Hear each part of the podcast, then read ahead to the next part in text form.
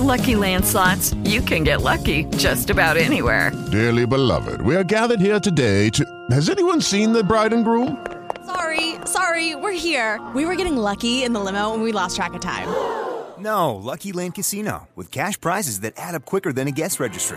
In that case, I pronounce you lucky. Play for free at LuckyLandSlots.com. Daily bonuses are waiting. No purchase necessary. Void where prohibited by law. 18 plus. Terms and conditions apply. See website for details. Okay, round two. Name something that's not boring. A laundry? Ooh, a book club. Computer solitaire, huh? Ah, oh, sorry. We were looking for Chumba Casino. That's right. ChumbaCasino.com has over 100 casino style games. Join today and play for free for your chance to redeem some serious prizes. ChumbaCasino.com. No purchase necessary. Full prohibited by law. 18 plus terms and conditions apply. See website for details.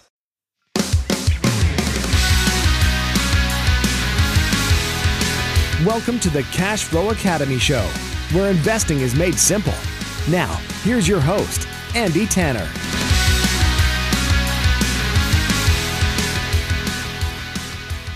Hello, Andy Tanner here. Welcome to the Cash Flow Academy show. We congratulate you for listening. We welcome you. It's going to be a great show. The the podcast is designed to discuss all things cash flow. And really this is this is different than some podcasts. Some podcasts I, I listen to for entertainment, like my uh, you know my martial arts podcast, and they'll bring in fighters and things like that. And it's really just interesting. You know, it's it's a it's a fun pastime uh, that, that I enjoy.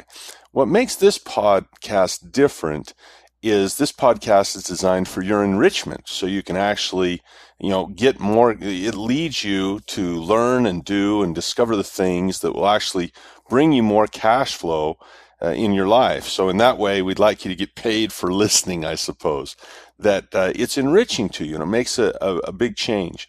And the reason i say that is this particular episode uh, is is very important because it's a it's the beginning of that process. You know where does cash flow come from.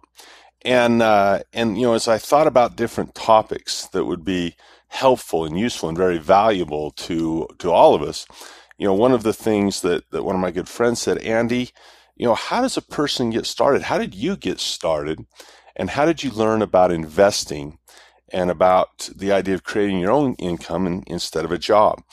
And so uh, I'm going to tell you a little bit about my story. Uh, this is something I, I don't know that I've told in uh, my lessons or in any of the, the, the classes that I've taught, uh, online or, or, otherwise. And so it's uh, it, it, I think there's some things we can learn from it. I, you know, I was very fortunate, first of all, but we can also create our own luck. So let's talk a little bit about this. Where does cash flow come from? Well, a lot of people say it comes from assets. It comes from you know, buying real estate or investing in the stock market or starting your own business or, you know, buying an oil well and selling commodities like oil. And, and that's certainly true. It, it does come from that. But the way I see it really is cash flow comes from what you know, it comes from your brain. It comes from the level of your education. You see, the stock market is also a way uh, people can give their money away pretty fast. And the real estate market has taken its share of, of uh, people's futures from them. You know, I, I, have a good friend. He went to invest in cash flow and, you know, he bit off more to get chew, And pretty soon he had a $20 million bankruptcy to, to file. Uh, excuse me, a $200 million uh, bankruptcy to file when uh, when things went went south in the crash. I know uh, business owners that have had the business gobble up their money rather than provide it uh, for them. So you know when a person uh, you know reads a book like my good friend Robert Kiyosaki, great mentor. Uh, you know, rich dad, poor dad, we say, okay, we're going to buy these assets, and that's where cash flow comes from. And that's true but there's always two sides to every coin. Uh, I can find many investors that have successfully invested and created their own income. I can also find a lot of investors who've given all their money away and wound up poor, not rich, because they went out to buy assets. So, what's the difference between the people that participate in the real estate market and in, in stock market investing uh, that make money and cash flow and those that don't? Well, again, it's their education. And so a lot of us don't think of, um, of us having an education problem or an ignorance problem. a lot of us think of having money problems. And that's a huge paradigm shift to have as you listen to think about this is, you know, is it because I don't have money uh, that I'm not wealthy or is it because I, there's things that, that investors learn that I haven't learned. If we look at someone like Warren Buffett and you know, list all the billionaires, Cuban and Buffett and, and uh, even multi, multi, you know, uh, is it called a centimillionaire if you got a hundred million dollars or more, something like that? A guy like maybe a, a Mitt Romney or a Robert Kiyosaki or something like that. You know, uh, decamillionaires, centimillionaires, billionaires.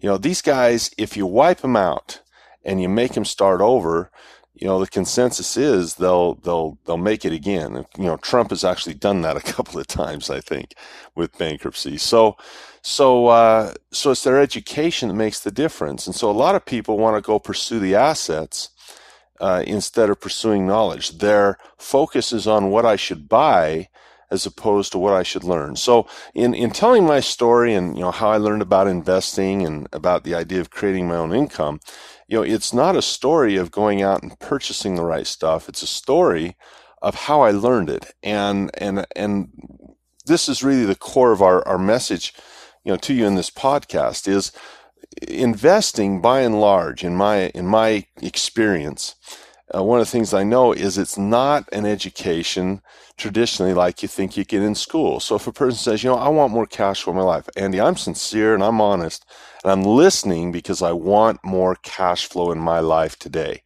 And I want to start that process or ramp it up to a higher level. You know, how do I start that education? Well, a lot of people think, you know, let's go to school and open a book or have a teacher explain it and then we take a test. And that's how we think about education. We think about learning in terms of our childhood experience, our adolescence, and our young adulthood uh, in college. And certainly you can you can learn some things that way, you know, reading, writing, math, you know, science, history. But investing is much, much different. So I'd like you to think about some of the other experiences you've had uh, where you learn something where you've not read a book on it or you didn't take a class on it. Have you ever learned uh, something in a different way. Well, in my life, uh, I've learned things a lot of ways. For example, one of the things I did as a, as a young man, can't do it anymore, but I used to uh, enjoy uh, the game of basketball. I had a scholarship. Uh, in uh, first went to junior college on a little scholarship to play basketball, and then I got to play at a university. And uh, and we, I never read a book on basketball, not one time. Never read a book on basketball, and the lectures were so much different because uh, I was sweating. Now, certainly in my organic chemistry class, I was sweating. I was sweating that one big time, man. And there were sometimes in my calculus classes, boy, I was sweating, particularly on the tests. But it wasn't sweat as profusely as, as in basketball practice because we didn't learn by reading and we didn't learn just by listening. We learned it by doing. In other words, coaches said, this is what I want you to do. Isn't that interesting? He isn't, he didn't say, this is what I want you to study, or this is what I want you to research, or this is what I want you to go find out information about, or this is what I want you to memorize. He said, this is what I want you to do. And, uh, and it was called active learning, I think is what they call it nowadays. It wasn't a passive experience at all. It was an active learning experience. And I think that's a great place for me to start about how I learned uh, about investing and creating my own income. I learned it on the basketball floor because I, I learned how to compete. I learned uh, how to deal with difficult emotions. I learned how to deal with pressure. I learned how to deal with mistakes. I learned how to deal with losses. I learned how to deal with failure. Uh, I learned how to deal with different personalities and chemistry. And there were trying times on the on the uh, practice floor, very difficult emotional times where where I was pushed in in more severe and intense ways, mentally, emotionally, physically, than uh, than uh, than anything that ever could happen in the in the classroom. Certainly, I had some nervousness about tests that were natural, but boy, it didn't compare. And I and I think that was the beginning of my education is learning that I could learn in other ways. Uh, another interesting one is uh, when I would go to my drum lessons as a kid. I, you know, my sisters all played piano, and I didn't really like classical. The classical music you usually begin with with the piano. I was more of a of a rock and roll guy, and so uh, I, I, chose the drums as my musical instrument. And the same thing happened when I would show up to my drum lesson. um, I sat behind a drum kit. I, I, didn't read a book. Now I had a, I had a music book, but it wasn't uh, something that you read to study. It wasn't music theory. It was actually music. And uh, and so we would play these these rudiments, and we would drill, and I would physically learn things, and it was just an active learning experience rather than a passive learning experience. So how did I get in, involved in investing? Well, you know, when I when I was finished with my college experience, I my major was exercise physiology. I didn't want to do that. I'm you know I wanted to eat donuts. I wanted to eat pa- I want to eat pasta at nine o'clock at night. You know, I I battle the bulge all the time. When I played basketball, I was in shape because I love the game of basketball, not because I love to exercise. And and so it's it's interesting. You see the guys that love the game and love the exercise. You know, when they're out of the NBA, some guys like uh, you know Karl Malone have stayed in great shape. Charles Barkley has struggled because I'm like Charles. I loved the game. Uh, but I also love my donuts. and if you take away the game, boy, the donuts are there. And so, uh, and, and, so it was. And I, I, I said, Hey, what, what can I do? And I actually got into, started a business and I got into sales and I had to learn how to sell. And I had a, a small company I started, wound up failing, uh, that was in the e-commerce business, did well for a while. And then it failed, but I learned about e-commerce and someone once asked me to give a speech on it and I gave a speech on e-commerce, and it launched a, a, bit of a speaking career. I discovered I had a great way of of explaining things. I loved the crowds. I loved teaching, and uh, there was a company. They eventually, uh, I think they've changed their name over the years. I, I, I want to say Razor Data, and what they did is uh, it was run by a guy named Rhett, and uh, he he was really the first stock experience I had. Is he said, "Hey, we have this great software. You know, online trading was starting to happen. As is old Al Gore invented the internet, according to him, and so now we had the internet. And people said, "Gee, you know, I don't need to go pay a broker to do this. I can do it myself through the internet." And uh, and so there was software coming out that, that that could give people access to this. And he said, "Hey, you know, you're a decent speaker. Would you?" Like to uh, you know pitch our software at this symposium at the you know type of a thing at a conference. Would you like to get up speak explain it and pitch it for us? And uh, and i said no because i didn't know anything about it. I didn't have an education. I hadn't taken economics classes in college to, to any great degree. I hadn't i hadn't uh, taken courses and read books on on stock trading. I just had never done it and uh, and I realized, you know what? I didn't learn basketball, and I was certainly better at basketball than I was at chemistry. And even though I took a chemistry class, it didn't make me good at it. You know, I passed it, I got through it, but I, I certainly wasn't a chemist. I became a basketball player because I did it. And uh, and so I, I reconsidered and I began to be mentored, and I did something that I highly recommend you guys do. Is I opened up a paper trade account where I could begin to use their software and do it. And I learned by doing. Now, the neat thing was about a paper account that I discovered is I didn't have to have any risk. It was, uh, it was much like Dale Edgar's Cone of Learning. Dale Edgar was a, a professor at Arizona State, I believe, Arizona State University. It might have been University of Arizona, one of the two in, and I think it was the, the late 60s, he discovered, he was studying how the brain learned things. And he said, wow, you know, what we found is, is reading, ironically, even though we do so much reading in traditional school, reading's probably the worst way to retain something and master a concept. You know, we don't remember it and we don't become proficient in it. He said that's at the bottom level. Listening to lecture is also at the bottom level. And he divided it into passive learning experiences and active learning experiences. And he found that the, the people who retained the most, that had mastery of the subject, learned it by active learning instead of passive learning. Uh, there's a difference between a lecture and a lab, and a lab is much more, much more powerful than, than often a lecture is. And, and so it was. And, and that was my learning experience is I never I didn't begin by reading a book. I began by opening up a paper trading account and then working with a mentor over my shoulder. And that, in my opinion, is the best way to learn something. I, I don't want to bash books. I enjoy reading. I read all the time. And generally, when I want to learn about a subject, uh, casually, I'll get a book on it. But that if if that subject strikes my interest, I will graduate from books very, very, very, very quickly and find experiences of of doing, active learning experiences. And and that's really the the best answer I can give is say, Andy, how'd you learn how to do this? I found active learning experiences rather than passive learning experiences. Investing is too important of a topic to to learn uh, from a book. You know, it, it's interesting how we get addicted to books, or not addicted, but closed in on on books. We get myopic. You know, what a book. And I often uh, have people email me, Andy, can you recommend a great book on investing? And I says, uh, yeah, I can. My book. and I, and I don't say that in uh, in any type of real seriousness. I say it in jest because here's what I learned, um, and it took me a long time. I would tra- I've traveled the world, and, and this is a great thing for you to think about as you begin your financial education for cash flow. Do you want to read books about cash flow? Or do you really want the real cash flow? If you wanted to learn something, what sounds more appealing to you? Uh, an active learning experience or a passive learning experience? And so I, have traveled all around the world, and there's a couple of very popular books, uh, you know, in in self improvement and personal development circles uh, one of them, of course, is Stephen Covey's The Seven Habits of Highly Effective People. And this really speaks to the truth of Dale Edgar's cone of learning.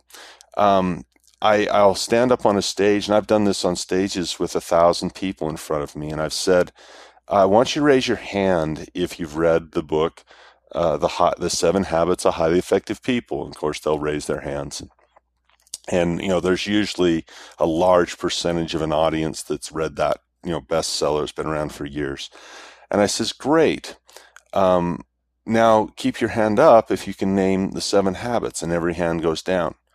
And in all the times I've done this, I've done this dozens and dozens and dozens of times all around the world, never one time, not in a single instance, I, I didn't even happen to find one, you know, savant rain man, you know, with the brain that could say, Yes, I've not only read the seven habits, I can recite them in order right now. Now, think about that for a minute. If a person doesn't know what the seven habits are, uh, has he learned them? Is he practicing them? Is he conscious of them?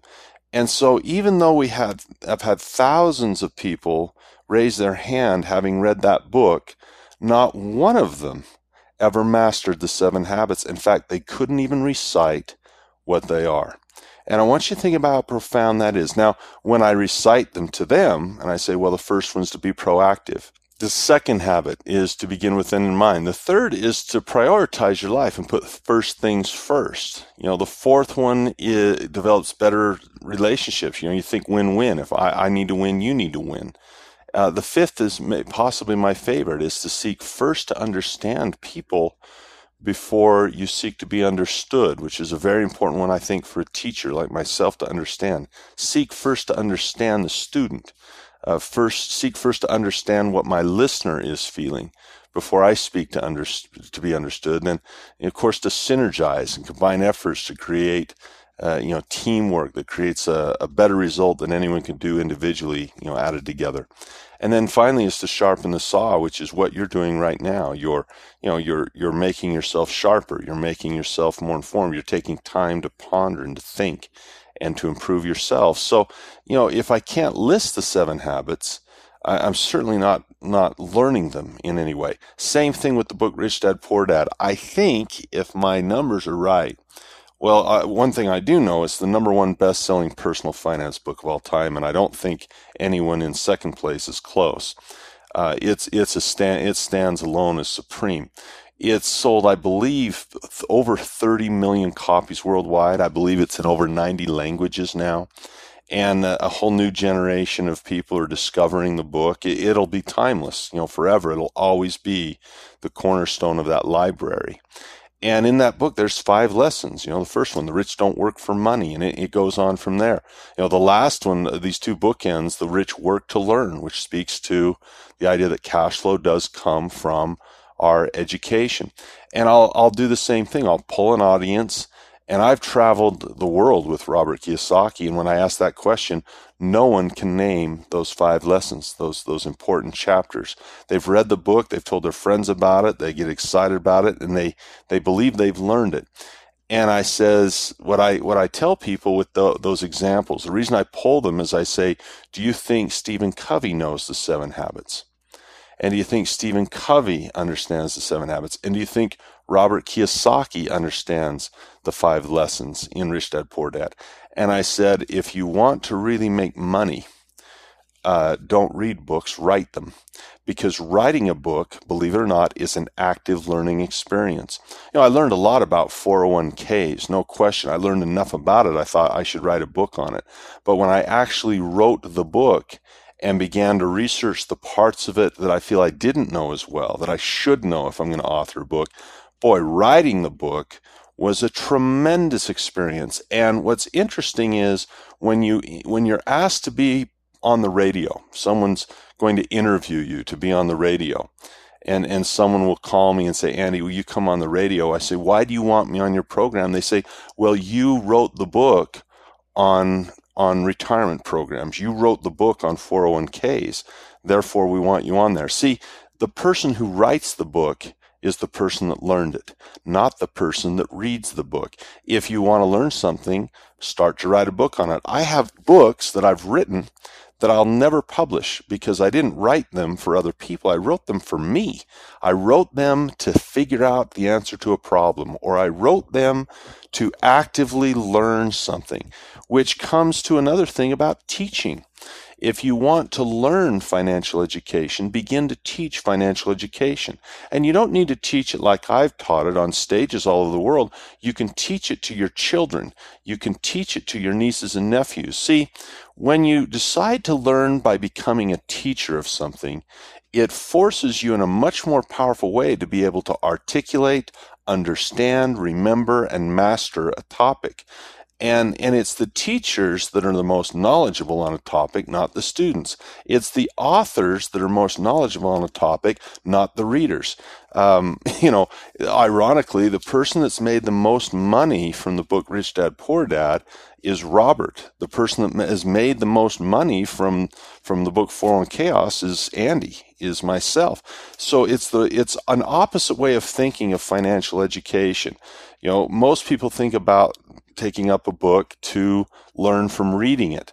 Very few people think about writing a book as an educational experience. Or uh, if people say, you know what, I want to take a class on yoga. Well, you know what? Start teaching a class on yoga. You'll get better at it. The teacher will always know more than the student, always.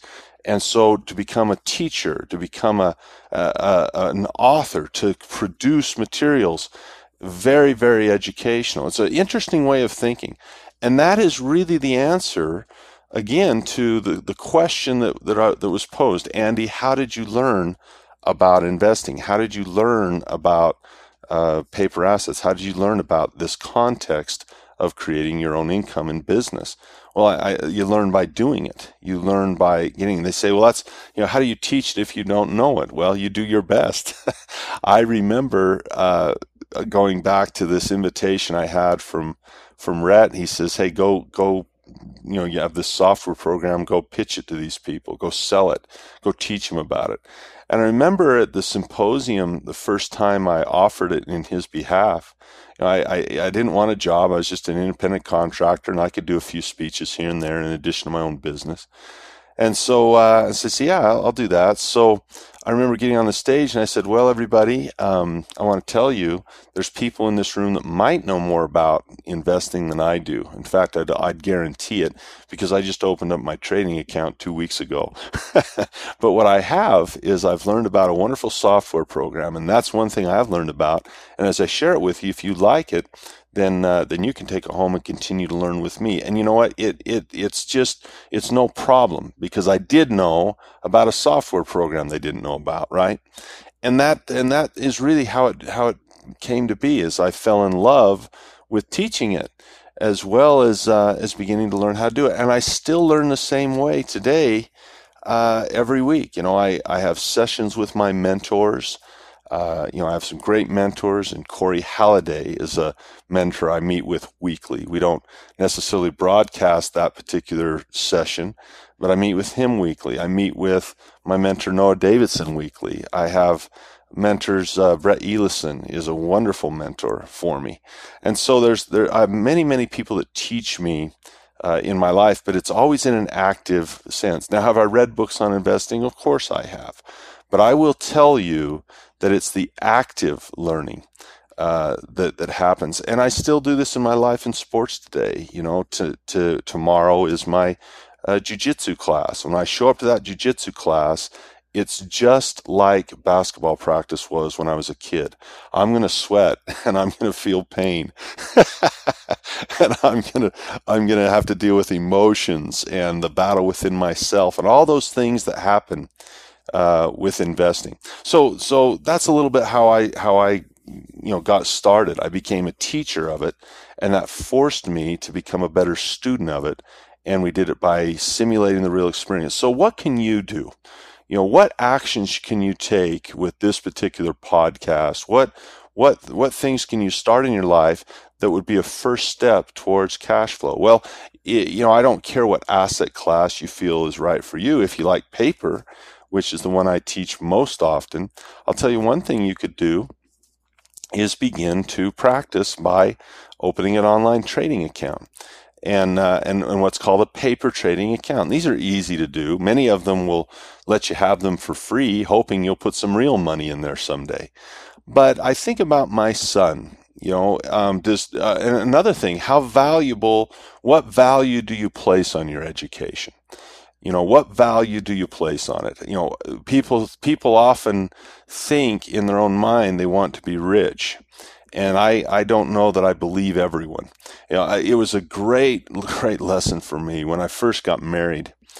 Uh, when I first got married, I went to see, I, I, didn't have a rich dad, and the, the book Rich Dad Poor Dad had not been written yet uh, back in those days. And so I, I had a friend, ironically, his name was Rich, and uh, he had red hair, so we called him Red. And I went went to my good friend Red. We played a lot of basketball together, had a lot of fun together growing up. And his father was an investor, and I and I knew he he was you know he was the wealthiest guy that I knew was my friend's dad. He was the wealthiest guy that that I knew, and uh, his name was Lynn. And I went to see him in his office. And it, it's surreal when I read the book Rich Dad Poor Dad because I connect with this so personally because it was before the book was even written. And, uh, and so I went to my friend's rich dad and, and uh, took my wife, newly married wife with me. I said, you know, I want to be rich. And he laughed at me in a way. He said, let me tell you, everybody thinks they want to be rich. But he said, no, to be wealthy, you really, really, really need to have a burning desire to be wealthy. You really have to want this. And, uh, and he, and he made us a commitment, certain things he outlined that we would have to do that would stretch us, that would stretch us financially as a new married couple, you know, making, you know, no money at our, you know, silly little incomes. And uh, when we first started out.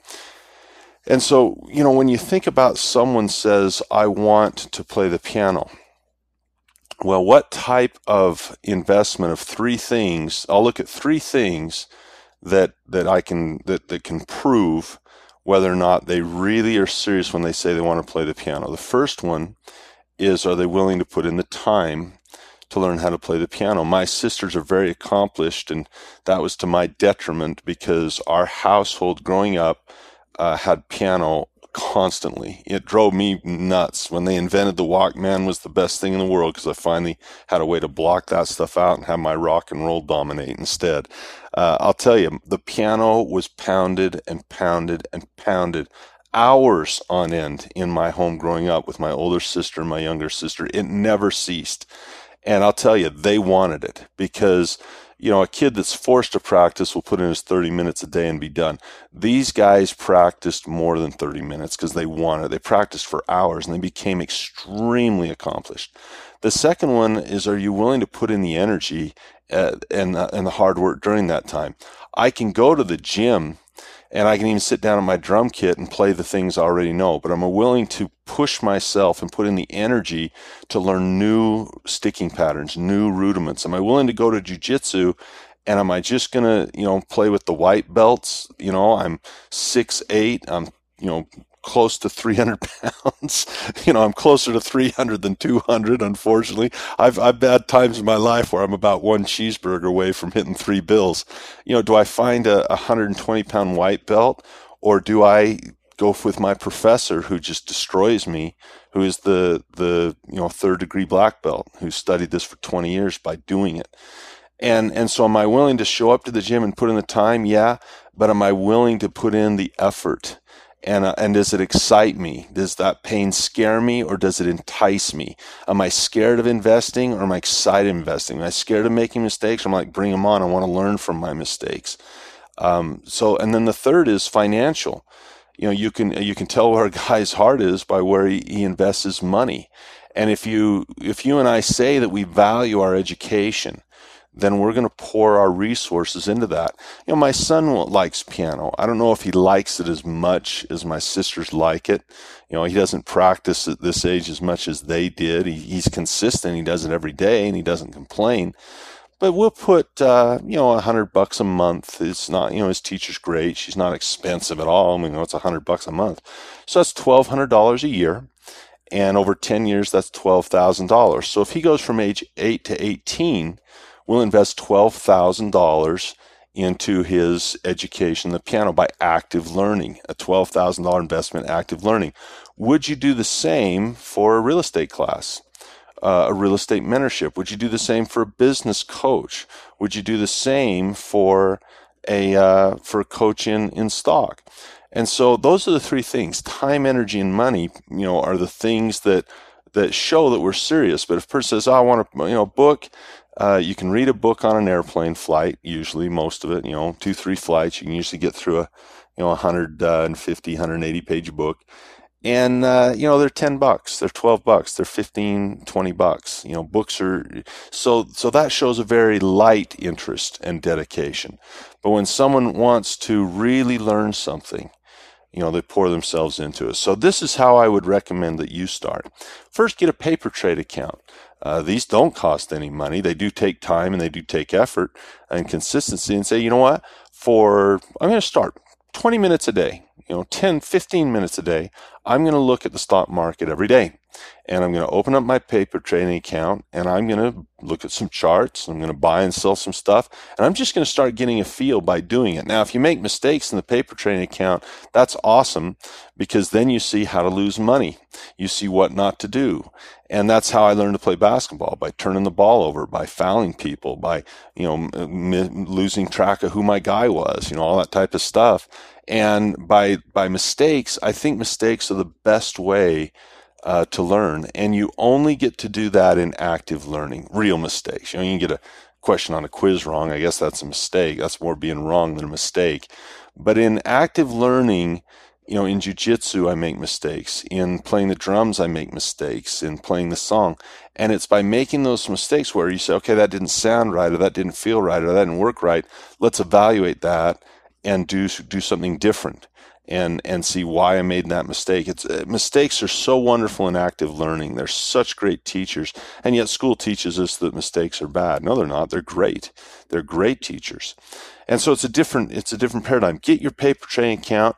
Put in your 20 minutes. Put in your 10 minutes, and see if it's something you like. And if you if you begin to become fascinated with it and you say, "Wow, you know, I just made some money here on paper," or "This was an interesting mistake," and I wonder how this could be fixed, and that piques your curiosity, well, then you can take a next step and go find a coach or mentor anywhere, anywhere, and begin to find people who have had success with it and invest in your education. So, so that is uh, a little bit on how I got started. I got it started by doing active learning rather than passive learning. And if a person really is sincere and honest about saying, you know what, I really do want a monthly cash flow.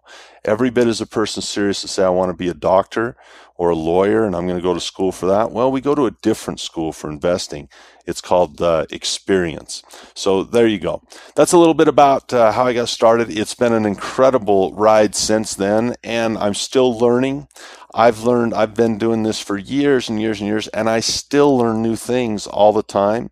I don't see education as, as an ending where you, you know, okay, here's a four year program and now you're done learning, you're finished learning. Not at all. I, I imagine I'll keep learning for the next 20 and 30 years if I'm uh, lucky to, uh, to, to make it that long, make it that far.